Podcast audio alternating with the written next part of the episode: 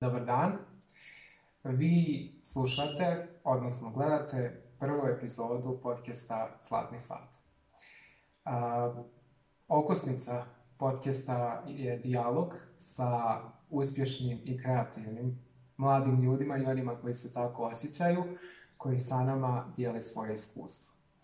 A prva gošća prve epizode e, ovog podcasta je Ana Marija, djevojka koja, se, koja pravi amaterske umjetničke fotografije i mogu da vam kažem ovaj prefiks amaterski da fotografije izgledaju i više nego profesionalno.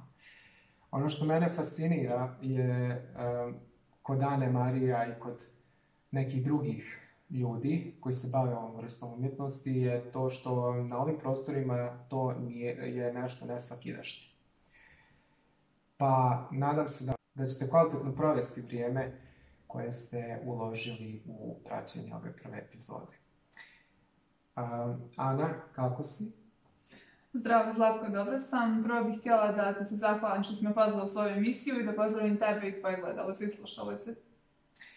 Sam već i rekao u uvodu, ovaj, ti se baviš amaterskim umjetničkim fotografijama, između ostalog i cosplayom što je i dalje raritet na našim prostorima, iako u svijetu postoji već nekih 5-6 godina, odnosno ne postoji, ali je popularno.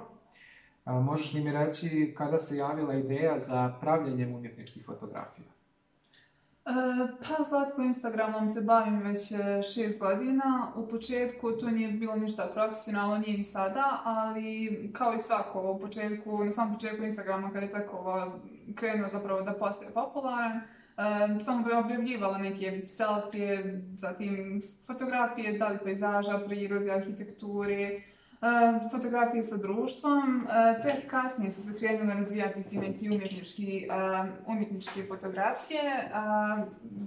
Posebna stvar koja je ostavila snažan utjecaj na mene je bilo dakle, moje putovanje u Trst. Trst kao sam italijanski gradić na obali Jadranskog mora nema, znači svakog svakog bi ostavio bez teksta. E, tako da, apsolutna arhitektura, sama Trsta i atmosfera i ljudi su me apsolutno fascinirali, tako da dosta mojih fotografija je snimljeno i nastalo tamo. E, tamo sam bila u ljetu, sad nisam sigurna tačno koje godine, e, sam e, svoju tetku i svog djetka. E, I bilo, bilo mi jako lijepo tamo, znate sami, italijanski san u ljetu na moru romantizovana slika Italije koju svi imamo u glavi. Apsolutno, da, tako je bilo nešto što je teklo. E, kasnije sam, e, kako sam uznapredovala, moj stil na Instagramu se dosta i mijenjao i nekako sam sebe obacivala, ne kao modela, nego više kao status, što bi se rekla. Ja sam to bila čisto, eto, da ispunim tu neku um, umjetničku formu. E, tako da moje fotografije nisu bazirane koliko na meni, toliko na meni koliko zapravo nekim drugim stvarima, na primjer, Inspiracija su mi dosta filmovi, muzika, knjige, serije koje gledam. Kao posebnu inspiraciju bih izvajala filmove Tarantina. On je jedan najdražih režisera, naravno uz e, Tim Burtona, Finchera, možemo tu ubaciti naravno Wes Andersona i Guillermo del Toro, poznati Meksikanac. zatim, muzik muzike to me najviše inspirišu pa prije svega ti li pa, Polako doći ćemo do tog dijela. Ja bih se zadržao na, znači na Instagramu i na tvojim počecima. Mhm. Društvene mreže su fenomen koji svi živimo sada već. Ranije smo, ranije, ranije godina su bile dio izbora, sad su neminovne. I meni je drago što si ti pronašla što si pronašla platformu preko koje možeš da njeguješ tako i neke lijepe umjetničke stvari, jer društvene mreže su stjecište nekih i toksičnih stvari, opet i nekih jako lijepih i pozitivnih. Pa možeš li da mi uh, prokomentarišeš da nije bilo tih društvenih mreža, ti najvjerovatnije ne bi bila inspirisana na određen način. Možeš li nam reći ko su ljudi koji su te inspirisali, e, pretpostavljam i te filmove koje si upravo pomenula, su te, na neki način su našli preko društvenih mreža put do tebe. E, pa da, na neki način. E, lično pratim profile na Instagramu koji se zapravo bave da li fotografijom, da li filmom i pratim ljude koji imaju zapravo slične interese kao ja, tako da sam putem njih dosta otkrila filmova ima jedna stranica eh, prašina sa Marsa se zove na Instagramu, tu eh, tu jedan mlad momak Slaven, on se zapravo bavi komentarisanjem eh, filmova koje je pogledao iz Sirije, tako da bih preporučila tu stranicu. Ja sam dosta filmova otkrila putem te stranice. Tako da pored filmova također me inspirišu i muzika i knjige. Od muzike me najviše inspiriše Lana Del Rey, naravno i britanski rockeri Hertz i Oasis. također slušam i španski hip-hop Kylie Kane i u zadnje vrijeme pobjednici ovogodišnje Eurovizije Maneskin. Apsolutno nisam ostala imuna na njih kao i ostatak svijeta. Eurovizija je fenomen koji traje već decenijama i ono što sam primijetio jeste s ovom našom nemilom situacijom sa koronom da je postala ponovo aktuelna prije toga je bilo u nekom zapisku, ja mislim bar neku deceniju da Eurovizija stvarno nije bila u, nije bila toliko popularna. Sad se ta popularnost polako vraća. što se tiče muzike, možeš li mi e, reći, a muzika ima tu moć da inspiriše ljude, ne samo e, ne samo preko svog zvuka, mislim, odnosno da, ona, njen, je, njen je kanal zvuk, ali inspiriše nas i tekst, nekad su muzičari koje volimo i slušamo utiču i tekako na naš način života. Možeš li nam reći kako su tebe inspirisali muzičari koje slušaš? Naprimjer, eto, pomenula si Lana Del Rey. Ehm, da, što se tiče muzike, tu bih posebno izdvojila Lana Del Rey. Ehm, nju, dakle njen talent neki čak poredi sa Šekspirom, ehm, što apsolutno vidim, razlog zašto. Naravno, Šekspir je ipak taj neki viši nivo i ne može se neki način Lana porediti sa njim, ali po, po kvalitetu definitivno djevojka ima talenta i njeni tekstovi su prava poezija, prava umjetnost. Znači, samo kad poslušate nekoliko pjesama, sami ćete shvatiti zapravo o čemu pričam. Um, da ona, ona inspirisala za jednu fotografiju, kaže, um, ide kao tekst, e, got your bible, got your gun. Um, znači ona, u, to sam zapravo fotografisala, sa, uzela sam kao prav pišto i Bibliju i ukrstila ruke i to mi je bila jedna od fotografija koju sam uspjela da ovaj fotografišem. Naravno, Lana Del Rey, mnogi njeni, da tako kažem, fanovi, da kažemo ljubitelji njene muzike, nju nazivaju da je ona žanar sama po sebi. I svako ko je poznavalac njenog rada to može da potvrdi.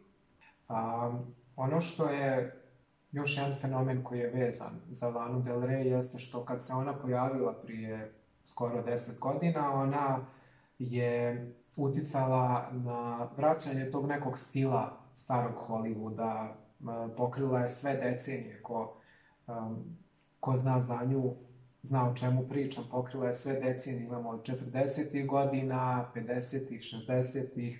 romantizovane 70. iz Felinijevih filmova, 80. 90. pa i moderna doba. Pretpostavljam da je uticala i na tvoj stil. E sad, ono što mene zanima i što je jako bitno, jeste šta je to što je uticalo na, na tvoj stil? poznajući te lično, u par prilika sam znao čuti neke ljude neki misle da je tvoj stil pin-up, neki misle da si ti gotičarka. Ja ti sad dajem priliku da ovako zvanično nam kažeš šta je tačno tvoj stil. Pa, slatko, mogu da ti kažem da ja nisam ni gotičarka, ni pin-up, ja sam oboje. bukvalno sa svojim stilom eksperimentišem koliko god mogu. Svaki dan sam druga osoba, što bi se reklo, zato je jedna prednost zapravo E, toga da možete svaki dan da izaberete koja ćete ličnost biti, odnosno da, iz koje ćete ere biti, koji ćete stil taj dan obući, tako da ja u svom stilu e, kombinujem razne decenije, ere, kombinujem pogotovo dakle 50. i 90. nekad ubacim naravno neki moderni moment, Uh, stilova, veoma volim grunge, kao što, je, kao što sam spomenuo, volim E, pin-up, e, ima tu stvarno svačega, tako da neću uopšte da se ograničavam e, ni na jedan način, tako da ja sam sve, ja nisam ništa. Inače, ovaj, trebam naše slušalce da upoznam sa pričom ja i Ana kada smo se upoznali prije nekoliko godina. jedan od naših prvih tih nekih slaničnih lice u lice razgovora pominjali smo Titu Fontis i Rose ja i ona često pominjemo taj naš prvi zvanični susret. I rekao sam joj ranije kada smo se dogovarali za ovaj podcast da ću je pitati ovaj, koja od njih dvije je više utjecala, ako je uopšte utjecala na tvoj stil i koja ti je draža. uh, teško pitanje. E, Jednu i drugo volim iz određenih razloga ali nekako više se pronalazim u tom stilu Dita Fantiz, ona je apsolutno taj glam, Hollywood, pin-up, dark, gothic, znači kombinacija svih tih elemenata i na neki način je unikatnija. Uh, volim naravno i Rose iz drugih razloga, ali nekako više se pronalazim tu u kod Dite. Znači kad kažemo Dita Fontis, ona je stvarno tis. Apsolutno. Dobro drago mi je što si nam konačno, ovaj, što sam konačno prosvijetlila o, tom stilu, znači Ana nije nikakva gotičarka, niti pin-up, pa u suštini zapravo jeste, ona je sve od navedenog po potrebi. svako ko ima priliku da te prati na Instagramu, tvoj profil je inače privatan, može da primijeti, znači, to je pitanje koje se uvijek nameće s ljudima koji se bave umjetničkom fotografijom. Da li je osoba na tim fotografijama, da li si ti, ili je to određena persona koju si ti stvorila i također pitanje koje prati to, da li je to jedna persona ili je u tjelovljenje svih tih ženskih likova iz filmova koje imitiraš kroz te fotografije. E, pa pravo da vam kažem, ti svi ljudi koji vidite na ovom Instagramu, ti svi ljudi su ja, a na neki način nisu uopšte ja, jer... Eh, ali su i omaž nekim filmom. Ali su omaž filmom, apsolutno, da. Znači, kao što sam rekla, mene svakodnevno inspirišu, dakle, bilo filmove, muzika, knjige, eh, recimo, jedan posebno dragi cosplay koji sam radila bio je, dakle, slika Doriana Greja, i znači, moji pratioci su apsolutno bili oduševljeni time i drago mi je bilo zbog toga, zato što na neki način sam se pronašla njegovom liku, tako da u svim tim zapravo sve ti likove koja imitiram na neki način, ja se u njima pronalazim, pronalazim dio sebe, bilo je to pozitivno ili negativno, tako da se to trudim pokazati na što bolji način, prekazati tu suštinu zapravo tog lika. Znači neko tvoje viđenje i tumačenje njih. Da. Odlično. To mi se sviđa. Poznata je izreka, mislim da je autor bio Walt Whitman, koja kaže umjetnost imitira život. E sad, u nekom savremenom dobu se taj izraz malo promijenio, pa neke poznate ličnosti strane znaju reći umjetnost imitira život, koji imitira, imitira umjetnost, koja imitira život da li eh, umjetnost na neki način utiče na tvoj privatni život? Eh, pa da, umjetnost svakako utiče na moj život, bilo privatni, bilo taj eh, online život na Instagramu, kao što bi se reklo. Konkretno, moj lično najdraži umjetnik jeste Salvador Dali, poznati katalonac. Sviđa mi se jako njegova harizma. Međutim, pored njega najdraži slikar mi je Caravaggio, poznati italijan. Njegovo djelo Sedam činova milosti je posebno utjecala na neki način. Doživjela sam određenu katarzu kada sam, kada sam otkrila tu sliku. Prilikom analize i čitanja šta se tačno nalazi na njoj, koje je značenje, znači slika je predivna. Umjetnost je svakako nešto što inspiriše dosta ljudi. Ja lično e, mislim da umjetnosti treba da bude veliki pokretač e, u životu. Ne samo umjetnost, naravno, mada i umjetnost je jedan, e, jedan veliki kišobran ispod kojeg se nalazi i fotografija i muzika i tako dalje i tako dalje. Ja bih volio da mi vidimo neke od tih tvojih umjetničkih fotografija, pa da ih možemo zajedno izanalizirati. Apsolutno, imate moju dozvolu. E, prva fotografija koju gledamo je, sam zapravo ja kao crvenka, pa ova fotografija je nastala u februaru e, prošle godine. Prošle e, I tu zapravo inspirisana sam bila ovim crvenim kamput, kamputom kojim sam kupila, e, koji sam kupila dakle, u jednom e, thrift uh, online thrift Store, tako da ne znam kad sam vidjela taj kaput, znala sam koji hoću da budem, da se slikam kao crven Ono što ja mogu da primijetim što se tiče te slike, ta slika je na neki način promijenila igru tvog profila. Znači, ti si imala umjetničke slike i prije toga, ali ta fotografija je nekako čitavu stvar stavila na viši nivo. I jako mi se sviđaju sve te tri slike, pošto inače Ana kada pravi slike, e, to je nešto što sam ja kasnije od nje preuzeo na svom privatnom ovaj, Instagram profilu, jeste da je jako bitno da, postoji tema. Znači svaki red na Instagramu vam je neka tema, znači imat ćete tri slike po redu i oni e, svi pričaju neku priču, tu neku estetsku priču. E, idemo dalje. A, na sljedećoj fotografiji imamo tebe, kako si obučena, ako se ne varam, u nekom blago viktorijanskom stilu, odnosno u viktorijanskoj spavačici, jer, jer bi to bila smjela kombinacija za viktorijanski stil. I pored tebe je statua Anđela koji e, grli fontan. Jako mi se sviđa kompozicija te fotografije. Idemo dalje.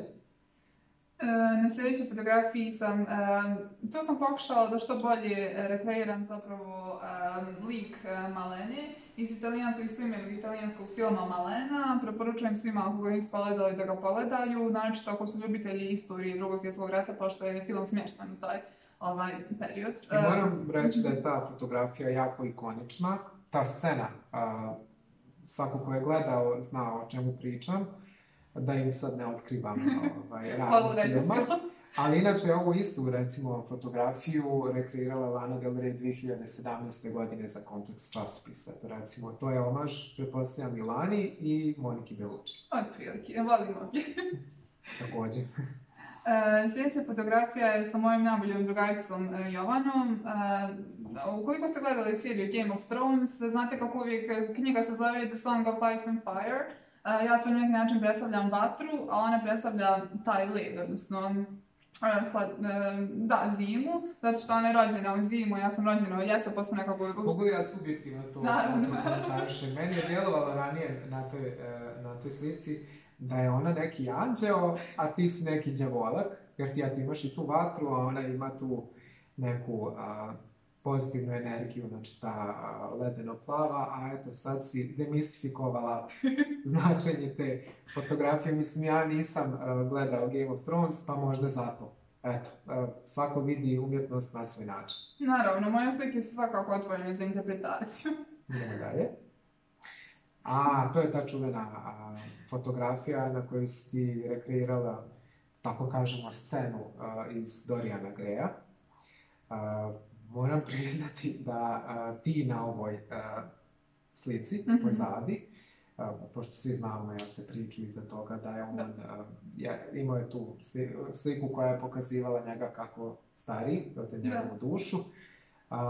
E, kako da ti kažem, na ovo, e, ovdje gdje si ti, e, kao Dorijan, ženski, ovaj, izgledaš jako lijepo, ali si odličnu stvar napravila i sa tom slikom iza gdje izgledaš jako Horifično, da tako kažem. Zahvaljujem, zahvaljujem. Pa znate kako bilo je potrebno, tipa, sat je nešto šminke da bih, da bih se uspjela ovoliko zapravo i da me ne prepoznaju ljudi.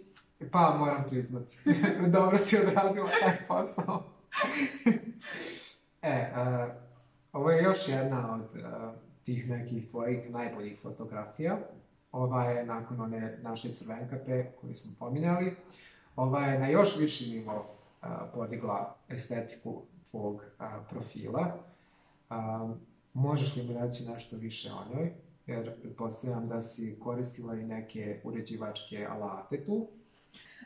E, zapravo s ovom fotografijom sam htjela da što više eksperimentišem, zato što sam na neki način upala u tu rutinu i htjela sam da zapravo svoje mogućnosti i sposobnosti u Photoshopu dovedem u test, e, zapravo da testiraš. Da testiram, mhm. da i da ovaj, vidim koliko sam zapravo sposobna da uradim ono što mi je na umu. Znači, Photoshop je u redu ako se pametno koristi. Apsolutno, da.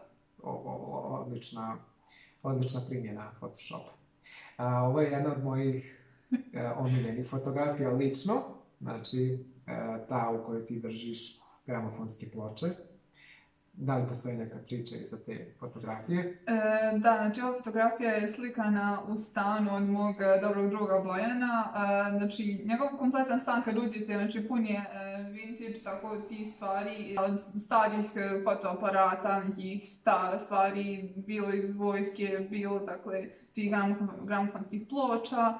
na neki način htjela sam da da zapravo dočaram tu estetiku 90-ih, zato što su te ploče naročito bile popularne 90-ih godina, a haljina, haljina sam uzela od mame, e, zato što mi se mnogo svidjela i morala sam nekako da ju im bude taman, ali u suštini fotka je ispala ok. Znači, fotografija na kojoj je mediji poruka, znači priča jednu priču, priču iz jednog vremena, imamo poznatu estetiku koja treba da na nas ima taj neki nostalgični efekat, odlično. Sviđa mi se. Za estetiku i hajnju iz 90-ih. Idemo dalje. Ovo je jedna od tvojih najnovijih fotografija. Meni se jako sviđa. Uh, koje je iznenađenje. da li postoji jedna ovaj, fotografija koja mi se ne sviđa? Kao da ih ja nisam lično izabrao. to je katedrala u Novom Sadu koja se vidi u tom svom čitavom veličanstvenom izdanju i vidi se tvoja silueta koja je ispred nje.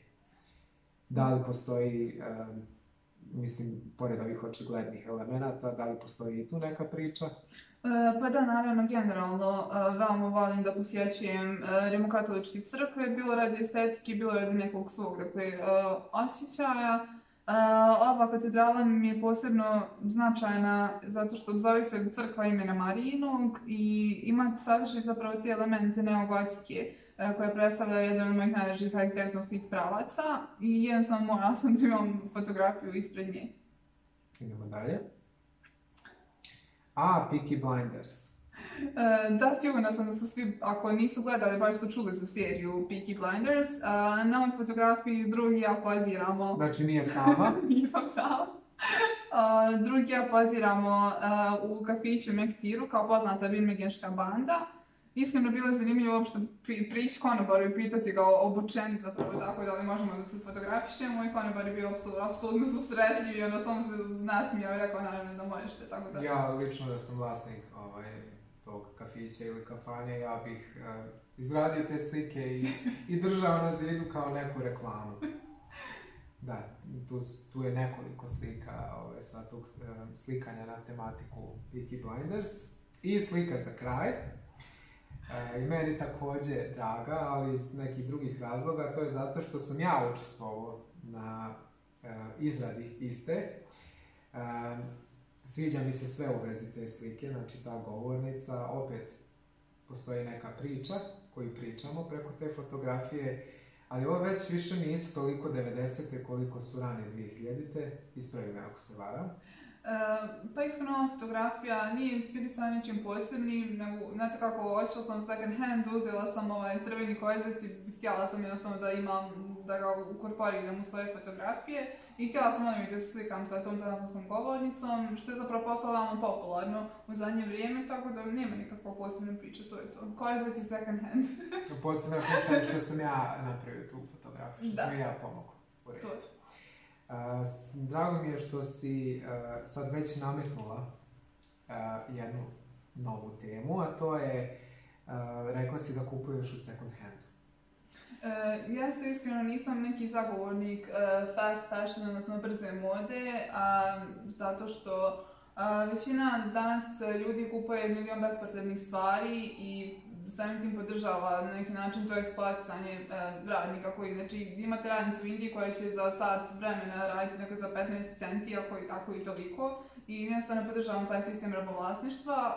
kao drugo, kvaliteta zapravo odjeće u tim e, prodavnicama nije toliko dobro. Recimo, uzela sam neku majicu u Teranovi prije možda 5 godina, sada mi služi kao krpa za prisanje prozora, eto toliko u kvaliteti. dok u second handovima i thrift storeovima možete naći mnoge, dakle, e, što bi rekli, unique ono, pieces. možete, dakle, naći brandirane stvari, recimo ono što sam Calvin Klein plaća za, ne znam, 5 maraka, nešto jeftino je bilo u pitanju. Uh, možete naći te stvari po veoma niskim dakle, cijenama i možete naći stvari, dakle, da možete tu zapravo dosta eksperimentirati sa svojim stilom po veoma niskim cijenama, to kada budu sniženja. I tako da preporučujem svima da kupuju second hand prodavnicama. Jer možda nađete Calvin Klein za uh, po niskoj cijeni, jel te? Upravo to. Um, I sama ovaj, držim second hand um, prodavnicu na Instagramu, zove se na Thrift Store, tako da trudim se i tu neki, neki način da svoje stvari ne bacam i da prodam zapravo ljudima koji će biti sretni u njima nego što Ako se ne varam tu uh, thrift store stranicu koju držiš, držiš te još dvije djevojke, znači vas tri ste e, osvještene na ovu temu. Ja mislim također da ukoliko, ukoliko ćemo kupovati odjeću novu, da trebamo da vodimo računa jer zagađenje od tih vještačkih materijala šteti našoj prirodi. Neke klimatske promjene koje doživljavamo često se komentariše da su da je uzročnik njih baš brza moda, odnosno korištenje tih vještačkih materijala, tako da naša publika može ili da u svakom slučaju razmisli na ovu temu um, ili da kupuju u second handu, jer eto, možete naići na Calvin Klein, možda je bolji vintage Calvin Klein od, um, ne znam, neke krpe koja se raspadne nakon dva pranja, koja pusti ogromne količine mikroplastike u našu vodu, um, naše rijeke, znači smanjuje nam kapacitete pijuće vode,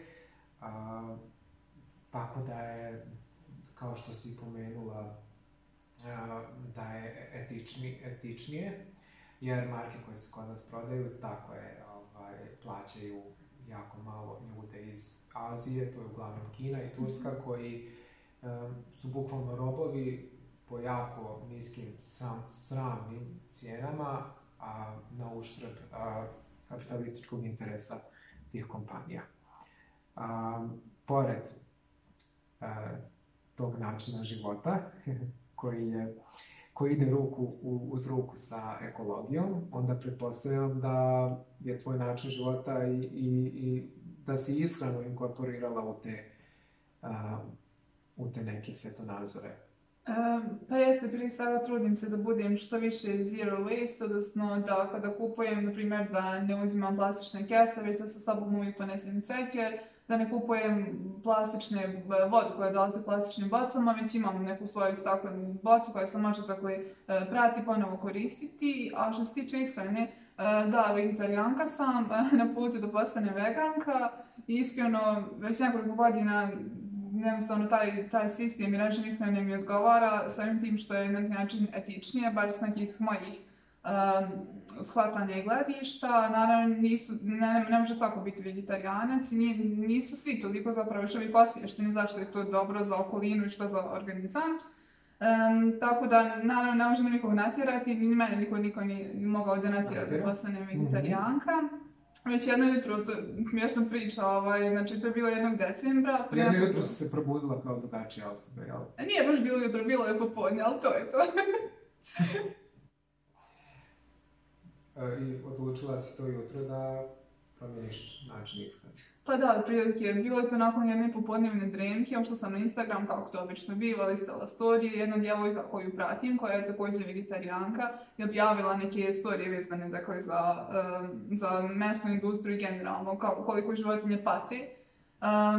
I bukvalno jednostavno u tom momentu sam odlučila da više neću jesti meso i dalje, ni dalje ne želim zbog te odluke. Tako da preporučujem svima... Moć propagande. Ovo iz propagande, to. I preporučujem svima ako nakon ipak ne odluče da, da postanu bar probaju da vidi kako će. A to ono što se meni recimo sviđa kod tebe je taj pacifistički pristup svemu, znači možete, ali ne morate, nisi kao neke poznate ličnosti koje nameću svoj način života, koje pišu svašta na svojim društvenim mrežama, svašta objavljuju, sviđa mi se taj pacifistički pristup. Mislim, jednog dana ovaj, ljudi koji će menjati svijet će biti upravo ljudi e, takvi, koji će na neki miran način uh, e, mijenjati svijet.